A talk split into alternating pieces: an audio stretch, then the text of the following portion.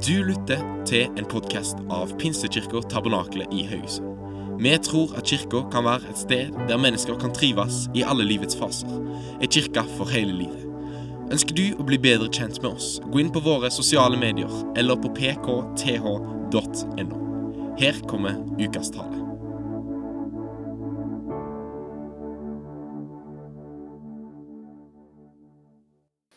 Vi har vært i en serie i høst hvor vi har sett på første kongebok. og Vi begynte med Solomon, og så har vi de siste gangene jeg har talt, sett på Elia. og Forrige gang jeg talte, så var vi i første kongebok kapittel 18.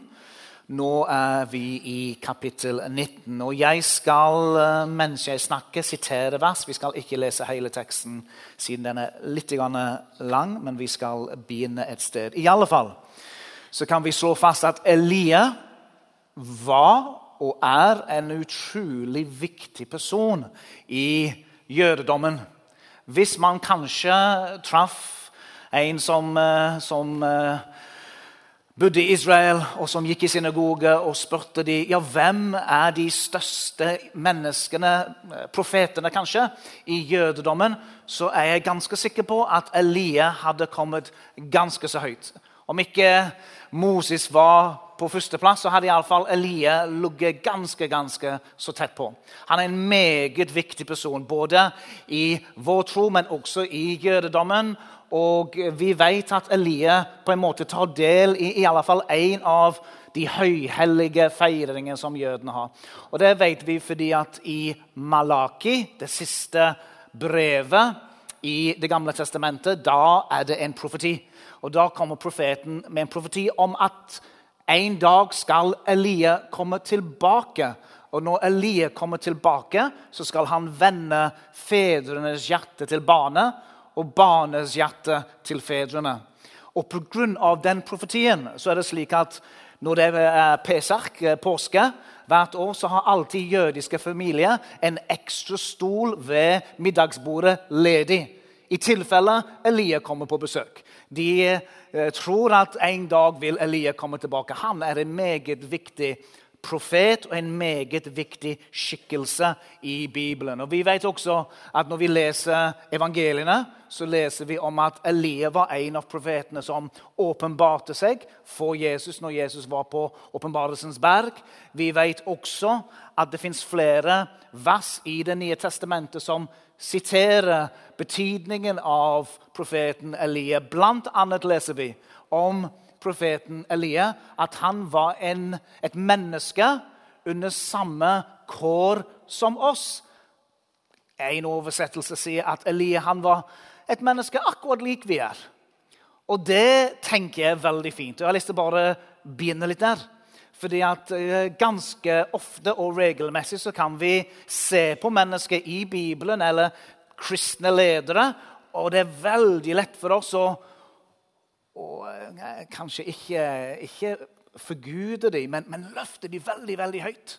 Og Når vi ser på dem, så kan vi tenke ja, det er ikke rart at Gud hører dine bønner. Det er ikke rart at du blir mektig brukt, fordi at se på deg. Men, men jeg derimot, jeg er, ikke, jeg er, ikke, lik den, jeg er ikke lik han, jeg er ikke lik henne. Jeg er på en måte en, en helt vanlig person, men du derimot, du er litt mer oppløftet, kommer til et helt annet nivå. Men jeg syns det er med. Så det er veldig veldig viktig at vi tenker over hva Bibelen faktisk sier om mennesket. For Elia vet vi at Gud brukte til å gjøre mektige tegn og under. Altså, han ba, og himmelen ble stengt. Han ba, og himmelen åpnet seg. Forrige uke så vet vi at eh, Elia sto imot 850 falske profeter. Og Gud hørte hans bønn, og det kom ned ild fra himmelen. Og Vi kan se på Elia og vi kan tenke ja, ja, ja litt av noen erfaringer. Du må jo være et veldig spesiell person. Spesielt salvet. Ulik meg og deg. Men sånn er det ikke. Elie var et menneske akkurat lik oss. Det er lett for oss når vi tenker slikt om mennesker, når vi løfter dem for høyt oppe, så er det lett for oss at vi, vi kan bli veldig skuffet når de kanskje gjør noe som vi blir litt overrasket over. Det er ikke uvanlig at vi kan lese i kristne aviser eller på andre måter om kjente ledere som kanskje vi ser opp til og kanskje vi tenker er veldig, eh, veldig, veldig nesten fullkomne. Så er det lett for oss å bare bli veldig skuffet da når vi ser at de har snublet eller de har falt eller de har gjort noe som vi, vi, vi, forstår ikke hvordan et slikt menneske Og det har jeg hørt ganske ofte.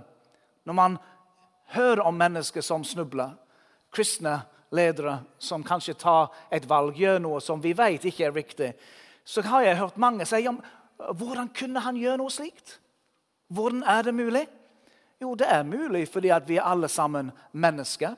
Og vi må passe på at vi ikke setter vår lit og setter vår tillit og lar våre røtter feste seg i menneskelige ledere. De skal være i Kristus og Kristus alene.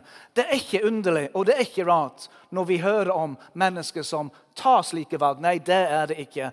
Elia han var et menneske slik som meg og deg. Og Det syns jeg at vi møter ganske, ganske tydelig hos Elia. Fordi at sånn som vi snakket om sist, når vi var i første kongebok 18, så hadde Elia denne denne konkurransen, om du vil, mellom Jave og Baal-profetene. Og Jeg tror jo at eh, Elia hadde litt engelske gener. Jeg tror dette, fordi at Han var rimelig sarkastisk av seg. Det er jo ofte slik at vi tenker at, eh, at mennesker og ledere de skal være så fullkomne. De skal aldri si noe slikt, alltid oppføre seg sånn. Men når du ser på Elia, så var han ganske, ganske på. altså. Så han, han, han bøller litt med dem han er litt uh, frekke med ordene sine. slik at når han ser Baal-profetene rope og høye og skjære seg i timevis, så roper profeten ut til dem ja, kanskje, kanskje Baal er på do. Kanskje han sitter på toalettet, så han er litt opptatt akkurat nå. Ja, Kanskje han er på reise, kanskje han holder på å lese noe. Ja, du, Kanskje han sover. Du må jo vekke han, rope litt høyere. Jeg, jeg liker Elia. Jeg syns han er litt min type leder. da. Jeg liker han, jeg synes han er kul. Og profetene roper og roper og roper, og teksten forteller oss at ingen svarte. Altså ingen hørte. Det kom ingen svar.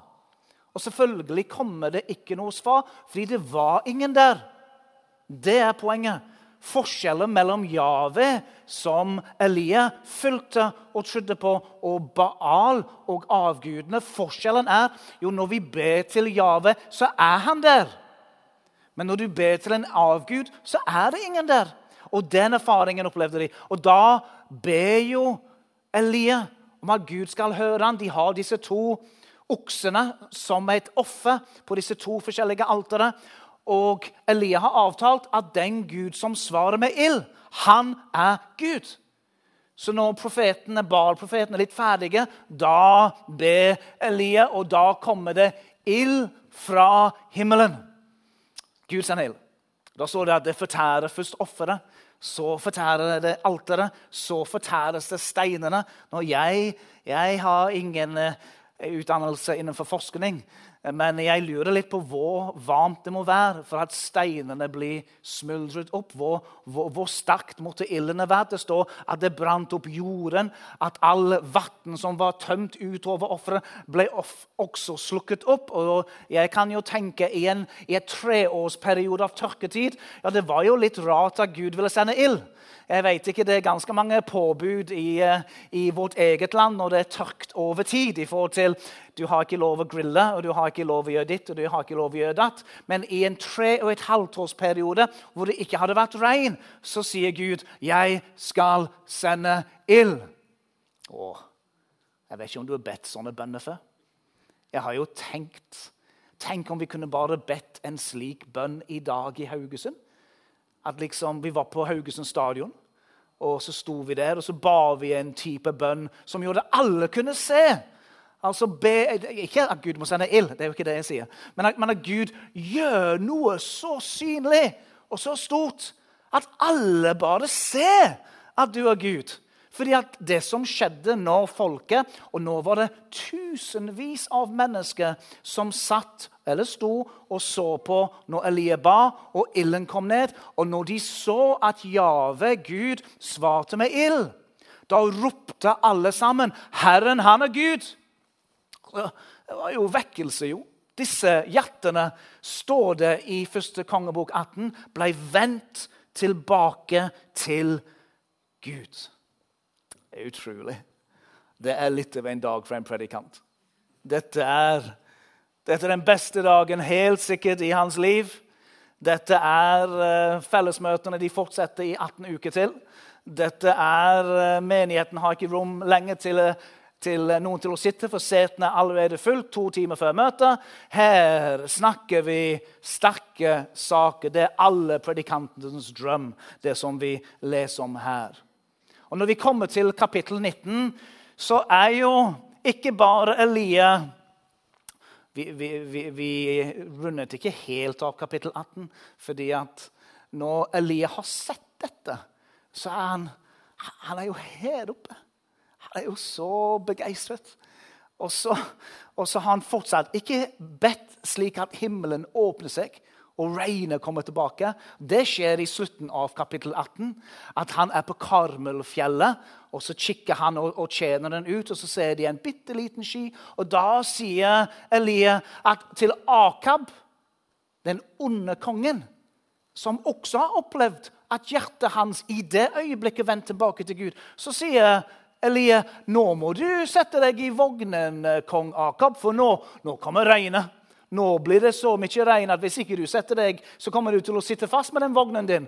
Så setter Akab seg i vogna. Han kjører av gårde. Så står det om, om Elia at han, tar, han, han spenner beltet om kappen, tror jeg det står. Og så springer han foran vognen til palasset der hvor Akab og Jezebel er. Det er fort, det. Jeg vet ikke om du tenker fort det. Kanskje han var en naturlig atlet. Han var litt sånn eh, Usain Bolt i, i den tiden. Jeg vet ikke, men han, jammen måtte det gått fort. Og vi forstår jo at det beskriver noe om at Gud gir han overnaturlig kraft. Overnaturlig fart. Nå er han søkkblaute. Nå regner det, og når det står beskrivelse om regn, så er himmelen svart og skyen overalt, og regnet faller ned. Det er tungt regn. Og Lie tror at nå blir det andre bolle. Nå, nå kommer kongen og dronningen til å høre på meg. Nå kommer hele folket til å heie på meg. Nå er det en ny tid. Nå har det skjedd noe så radikalt og så sterkt at det er klart at alle nå kommer til å følge ja ved. Men det er jo ikke det som skjer. Han tror at nå er det vekkelse. Han tror at det han ser for seg, blir virkelighet. Men det skjer ikke. Jeg vet ikke om du har opplevd det sjøl. At du ser noe så veldig klart for deg. Ja, sånn kommer det til å bli nå. Ja, jeg har, lyst, jeg, jeg trodd at det skal bli slik, jeg tror det skal bli sånn, men så, så blir det på en helt annen måte. De tingene du så for deg, ble ikke slik. Og Sånn er det for Elia også. Jeg skal lese da de to første versene. Akab fortalte Jesabel alt det Elia hadde gjort, og hvordan han hadde drept alle profetene med sverd. Da sendte Jesabel en budbærer til Elie og sa, må gudene ramme meg både nå og siden, om jeg ikke i morgen på denne tiden gjør med ditt liv som det gikk med livet til hver og en av dem. Han trodde at han skulle bli feiret, og han trodde at folket i hovedstaden skulle, når de så han klappe for ham, juble. Nå er det en ny tid. Men nei. Nå er Jesebel rasende. Kong Akab, som det ser ut som om han også var med å feire sammen med Elia, han blir plutselig stille og passiv. Og så tar Jesebel kontrollen, og hun skriver et brev til Elie, og et brev som truer Elie på livet. Det er veldig rart. for det som skjer med profeten da, at profeten han blir faktisk redd. Og jeg klarer ikke helt å skjønne med det første hva er det som skjer. Fordi at den profeten som vi har møtt inntil nå, det er en profet som har stått foran kong Akab og sier du, himmelen skal være stengt inntil jeg sier det skal ikke være stengt. Vi har en, konge, en, en profet som står imot 850 falske profeter. Og en konge. Og står i tro og er tøffe og djerve. Og så kommer det et lite brev. Og det brevet det skaper en såpass frykt på innsiden av Elia at han rømmer.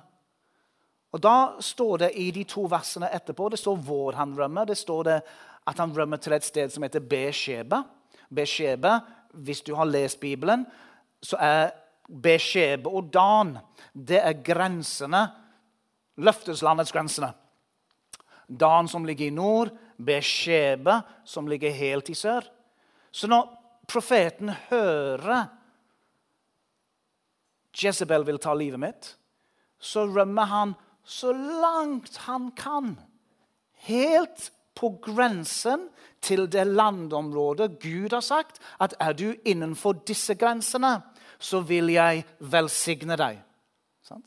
Men så kommer han helt til grensen, og så sier Bibelen at da lar han tjeneren sin forblir i Beskjeba.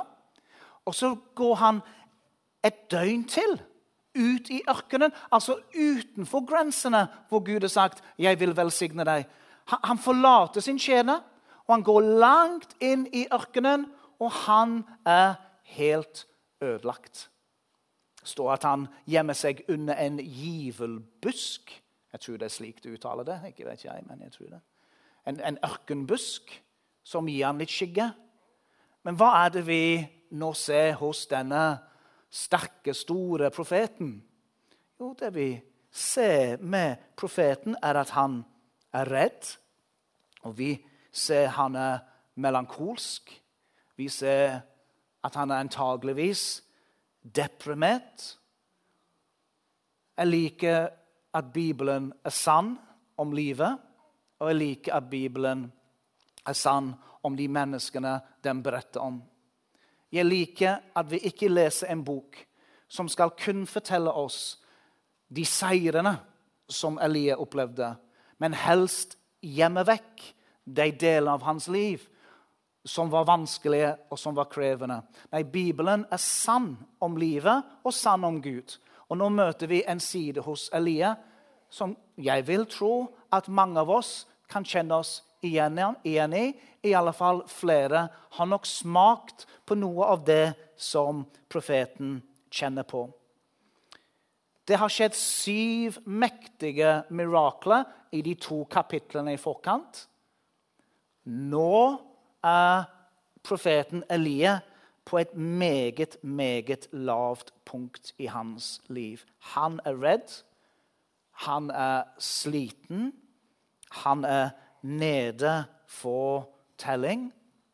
Og Elia, han er både Han syns synd på seg sjøl, og noe av hans stolthet også vises.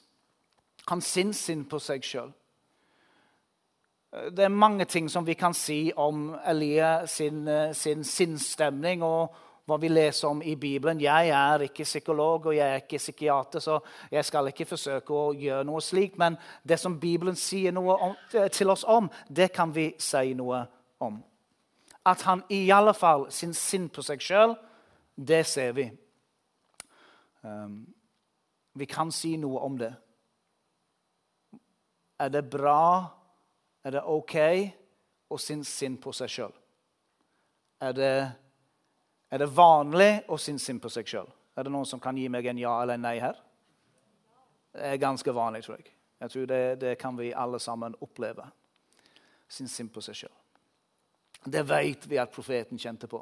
Å, jeg er jo den eneste. Alle andre er borte. Å, jeg trodde jeg var bedre enn mine fedre, men det er jeg visst ikke. Det har du litt av stoltheten. Han trodde han var et cut above. Litt flinkere, litt bedre. en tidlig utgave. Men nå møter han seg sjøl litt i døren. Han syns synd på seg sjøl. Jeg har sagt til noen når det gjelder selvmedlidenhet, at selvmedlidenhet er litt sånn hjemmelengsel. Jeg bor i Norge, jeg kommer fra England. Og av og til har jeg kjent på hjemmelengsel. Og det er sikkert noen andre her som har kjent på det. Men jeg har skjønt at hjemmelengsel, hvis det forblir, er ikke så veldig bra. Fordi at Hvis jeg sitter og kun pleier den følelsen av hjemmelengsel, av hjemmet mitt og der jeg vokste opp, og den engelske maten, og der er det et land uten kumle Her må jeg bo her. Det forstår de humor. Norge er det litt mindre sånt. Det er alltid kaldt her. Jeg var ikke skapt for dette. Det er mange ting du kan tenke på når du begynner å synes på seg sjøl. Hvorfor meg? Hvorfor måtte jeg komme her? Ja, du har gitt meg en kone, her er det jeg er glad for, men Det er mange tanker man får. synd på seg sjøl. Men du vet at når du, når du har den hjemmelengselfølelsen, så, så, så gir det deg ingenting. Det bare over tid tar fra deg og gjør at du, du mister gleden over det du er. Du lever ikke her og nå. Du blir fanget i noe som du egentlig ikke kan gjøre noe med hvis ikke du har tenkt å pakke sakene dine og reise dagen etterpå. Selvmedlidenhet og sin sinn på deg selv, seg sjøl er akkurat lik. Du kan pleie de følelsene, men det gir deg ingenting. Det vil egentlig kun ta fra deg. Har du følelse av dette, så er det viktig å være klar over at det er en type følelse som kun vil tømme deg, som kun vil vende deg innover, og som vil stjele både livskraft, livsmot og glede fra deg. Han sinner sin på seg sjøl, og han er helt skutt. Han er den pastoren som har skrevet 'Jeg er ferdig'-brevet, og han har sendt det til Eldsterådet. Han har latt tjeneren sin være igjen i Beskjebe, og han vil ikke mer. Så du kan forsøke å tenke på hvor, hvordan han har det akkurat nå. Han er deprimert. Han er såpass deprimert. Han, han, han, sier ikke 'jeg vil ta mitt eget liv', men han sier 'Herre, kan ikke du ta mitt liv'? Mm. Så det, det, det, det er alvorlig. Han er helt skutt. Så han er fysisk sliten. Selvfølgelig. Han hadde jo stått hele dagen i kamp med disse balprofetene. Han har sprunget veldig fort til hovedstaden. Og nå har han reist langt til Beskjebe og en dagsreise til inn i ørkenlandet. Han er ferdig, og han vil bare sove. Så ser vi hvordan Gud hjelper og har omsorg for Elia. Og dette syns jeg er nydelig. Når vi ser på Elia som er nå nede, og som kjenner seg motløs, som kjenner seg deprimert, hvordan kommer Gud oss i møte når vi har slike tanker i livene våre? Når vi opplever at vi er nede for tellingen. Når vi kjenner at vi har satt oss under en en busk og vil bare ha ro og vil gjemme oss og vil ha avstand og distanse, hva gjør Gud da? Da kan vi lese vers 5 i kapittel 19. Mens han lå og sov under en givelbusk, var det plutselig en engel som rørte ved ham og sa til ham, 'Stå opp og spis'. Elsker Gud. Jeg syns at uh, min, eh, min, min, erfaring av Gud, men også det Bibelen viser oss om Gud, det er så flott å lese. Vi vet at mental helse, og vi vet at det er mange mennesker som kan ha kamper og kan kjenne seg igjen i det skygget og den dalen som Elia er i nå. Men når Gud kommer til profeten Elia så er det første han sier, er ikke 'frykt ikke'. Det er heller ikke 'venn om'. Det er heller ikke Guds rike er nær. Det er heller ikke slik at engelen tilbyr sjelesorg eller en terapitime. Nei, det er det ikke. Det engelen gjør, er at han lager frokost. Er ikke det fint? Du kan smile nå. Er ikke det herlig? Tenk at Gud er så omsorgsfull. At han vet han, Hans visdom, den er så vidunderlig. At måten han tenker at han skal hjelpe profeten på, det er at han Og kanskje i din bibel så står det kake. Det var nok et, et, et type brød. Men er det noen duft som er bedre når du er litt nede, enn nybakte brød? Er, er, er, det noe bedre når du kommer inn i et bakeri og du kjenner duften av brød? Blir du ikke glad? Altså, Du kan ikke annet enn å være glad. Du har jo bare lyst til å bo der, fordi det er så vidunderlig luft, duft. Og Gud, han vet helt nøyaktig hva denne mannen trengte. Og, og, og, og til og med liksom omsorgen. Dette var ikke som mannen som bare dukket opp. Eller roadkill, som profeten hadde fått før. Du husker det fra kapittel 17, hvor ravnene kom med kjøtt. Og du ser for deg en entrecôte, men det var nok ikke det. altså. Det var en eller annen dødt dyr som hadde blitt fanget opp av en ravn og levert til profeten. Altså, jeg tror ikke det smakte så veldig godt. Men nå, nå står det at det var, det, det var kull. ikke sant? At, at det var kull. He, hele, hele, opplevelsen av at Å, det lukter Noen har lagd meg frokost. Noen har bakt et brød til meg. Jeg er så trøtt, men det er noen som bryr seg om meg. At de har lagd et godt, et godt måltid til meg. Jeg syns det er nydelig. Og det forteller meg at vi mennesker vi er jo ikke kun ånd. Det er veldig lett for kristne mennesker å tenke at alt skal løses gjennom bønn eller bønnemøte eller håndspåleggelse eller Bibelen. Alt skal løses slik. Men vi er ånd, sjel og legeme. Vi trenger alle deler um, av vårt hele menneske å bli betjent og å bli møtt. Og Iblant så er det ikke at jeg må ha enda et bønnemøte.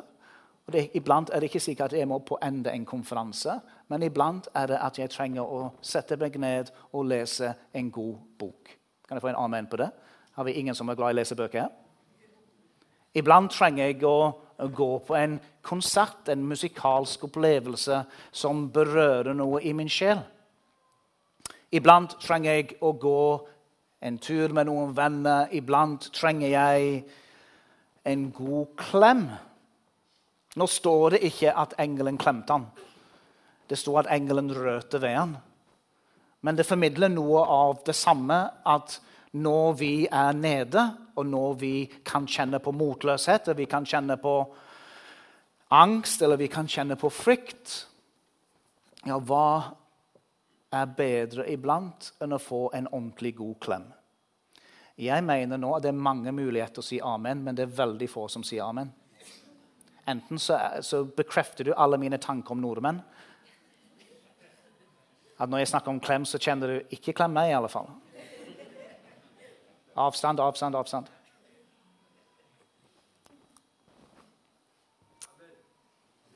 Hvem, hvem var det? Hvem var det? Harald, vet du. Nydelig.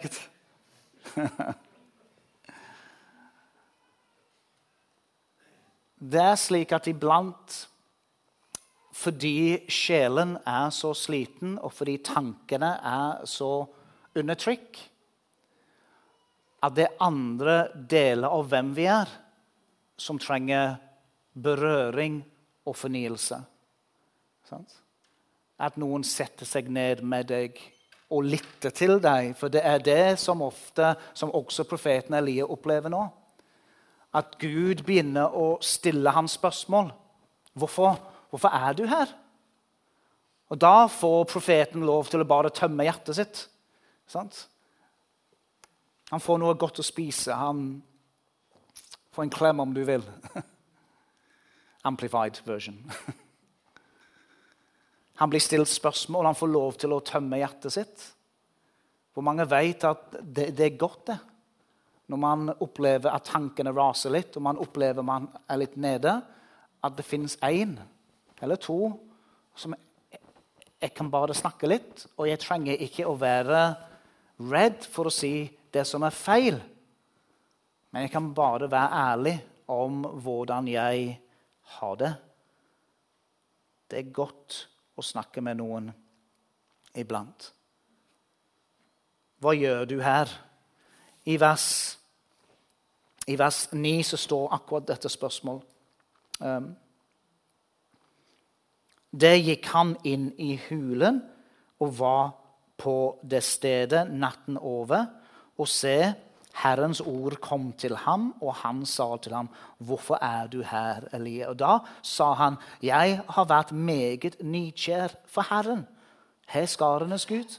For Israels barn har sviktet din pakt, revet ned altrene dine og drept profetene dine med sverdet. Jeg er alene igjen, og de prøver å ta mitt liv. Altså bare en liten detalj om at noe av det profeten sier, er sant, men en god del av det også er usant. Og når vi er litt nede, så kan vårt eget grep på hva som er sant Det er ikke alltid alt det stemmer. At følelsene våre de tar litt overhånd.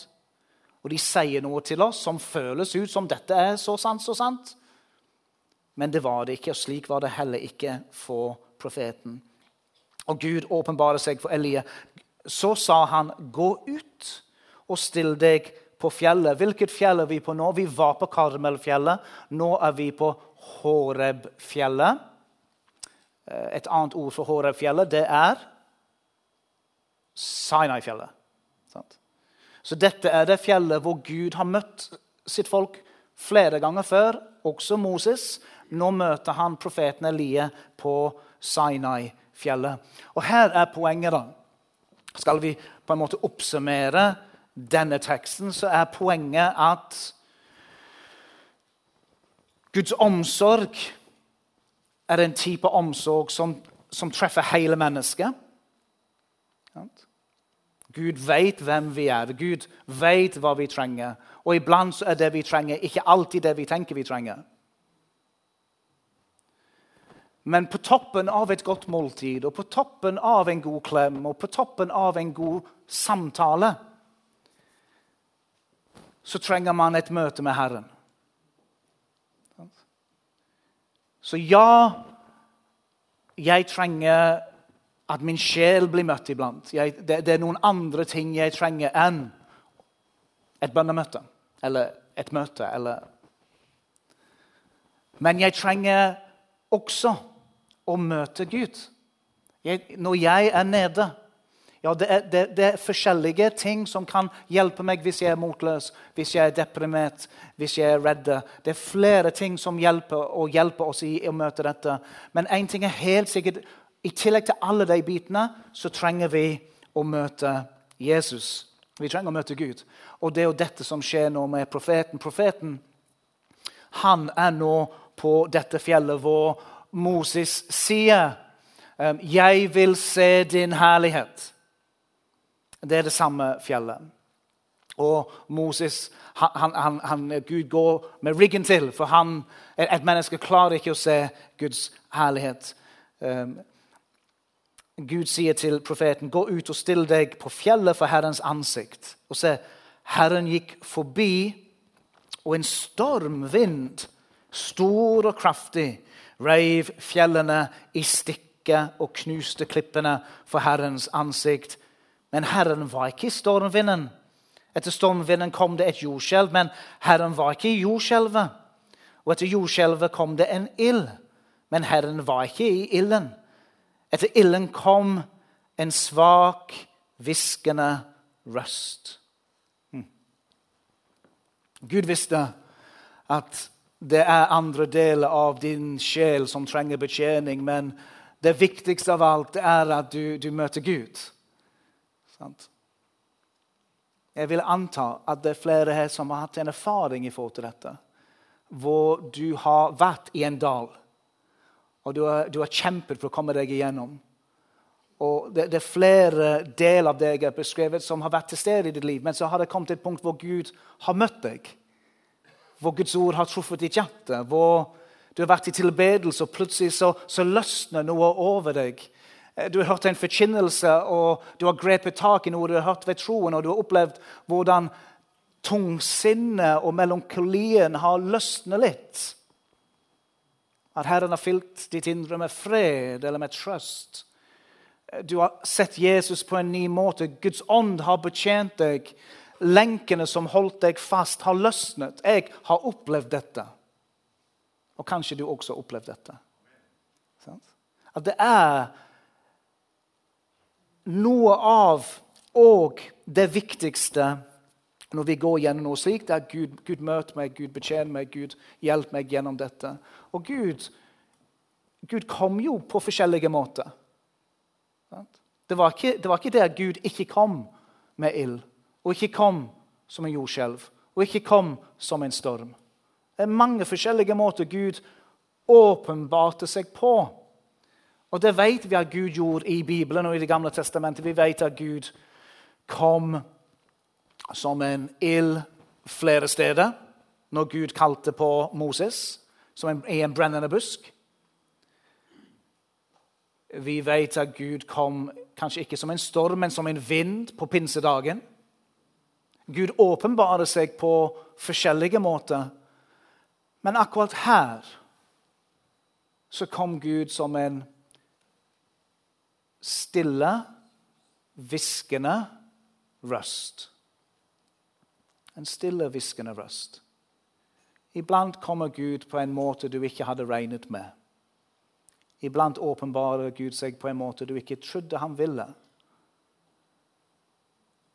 Og det er klart at Elia han, han er skuffet fordi at han hadde et klart bilde om hva han trodde var Guds plan. Han skulle beseire Baal-profetene, han skulle reise tilbake til hovedstaden. Hovedstaden skulle juble og ta imot ham. Hele landet skulle leve i vekkelse. Vi, vi er fri. Han så dette for seg. Men hans planer ble endret på. Det skjedde ikke slik. Sikkert når Gud hadde en annen plan, da, da skjønte han ingenting. Og han knakk litt sammen. Ja, Men det, det var jo ikke dette som skulle skje, Gud. Det var dette som skulle skje. Men i teksten så ser vi at, at Gud iblant, eh, Også når vi ikke ser når vi ikke forstår hva som skjer, så betyr det ikke at Gud ikke har en plan. Nei, Gud hadde en plan, og det leser vi om i, eh, når vi leser videre i teksten. Men planen som Gud hadde, var en annen plan enn det Elia hadde sjøl. Og det forteller oss at Guds planer er alltid de beste planer. At det beste med vårt liv det er ikke alltid det vi tror er det beste med vårt liv. Det er ikke alltid de planer jeg, sånn og slik, og sånn skal det være, og Gud må velsigne det. Men iblant har Gud en annen vei, en annen retning, og vi Vi må iblant lære det på den harde måten. Men Gud åpenbarer seg til profeten Elia med en stille, hviskende røst. Jeg er med deg. Jeg elsker deg. Stol på meg. Du er ikke alene. Jeg skal være med deg. Min fred er med deg. Jeg skal våke over deg, jeg skal beskytte deg. Har du hørt en slik stille, svak stemme? Har du opplevd at Gud har talt til deg på den måten? At når du har vært på en gudstjeneste eller alene i en andagsstund eller gått en tur og bedt, så har du opplevd i ditt indre at Gud har minnet deg om noe, sa noe til deg. Det var ikke et jordskjelv, og det var ikke en storm og det var ikke en ild, men det var en indre stemme som var Den hellige ånd, som minte deg om noe, som sa noe til deg. Er det ikke vakkert når det skjer? Er det ikke nydelig når Herren taler til oss? Og kanskje spesielt i slike tider, hvor vi er nede og vi er slitne, og vi vet ikke helt hva neste steg er, så ønsker Gud å tale til oss. Gud ønsker å møte deg. Gud ønsker å fornye deg og forfriske deg. Takk for at du lytta til vår podkast. Vi håper at undervisningen kan være til inspirasjon og hjelp inn i din livssituasjon. Du er hjertelig velkommen til møter i Pinsekirken Tabernakel Haugesund klokka tolv på søndager. Ha ei velsigna uke videre.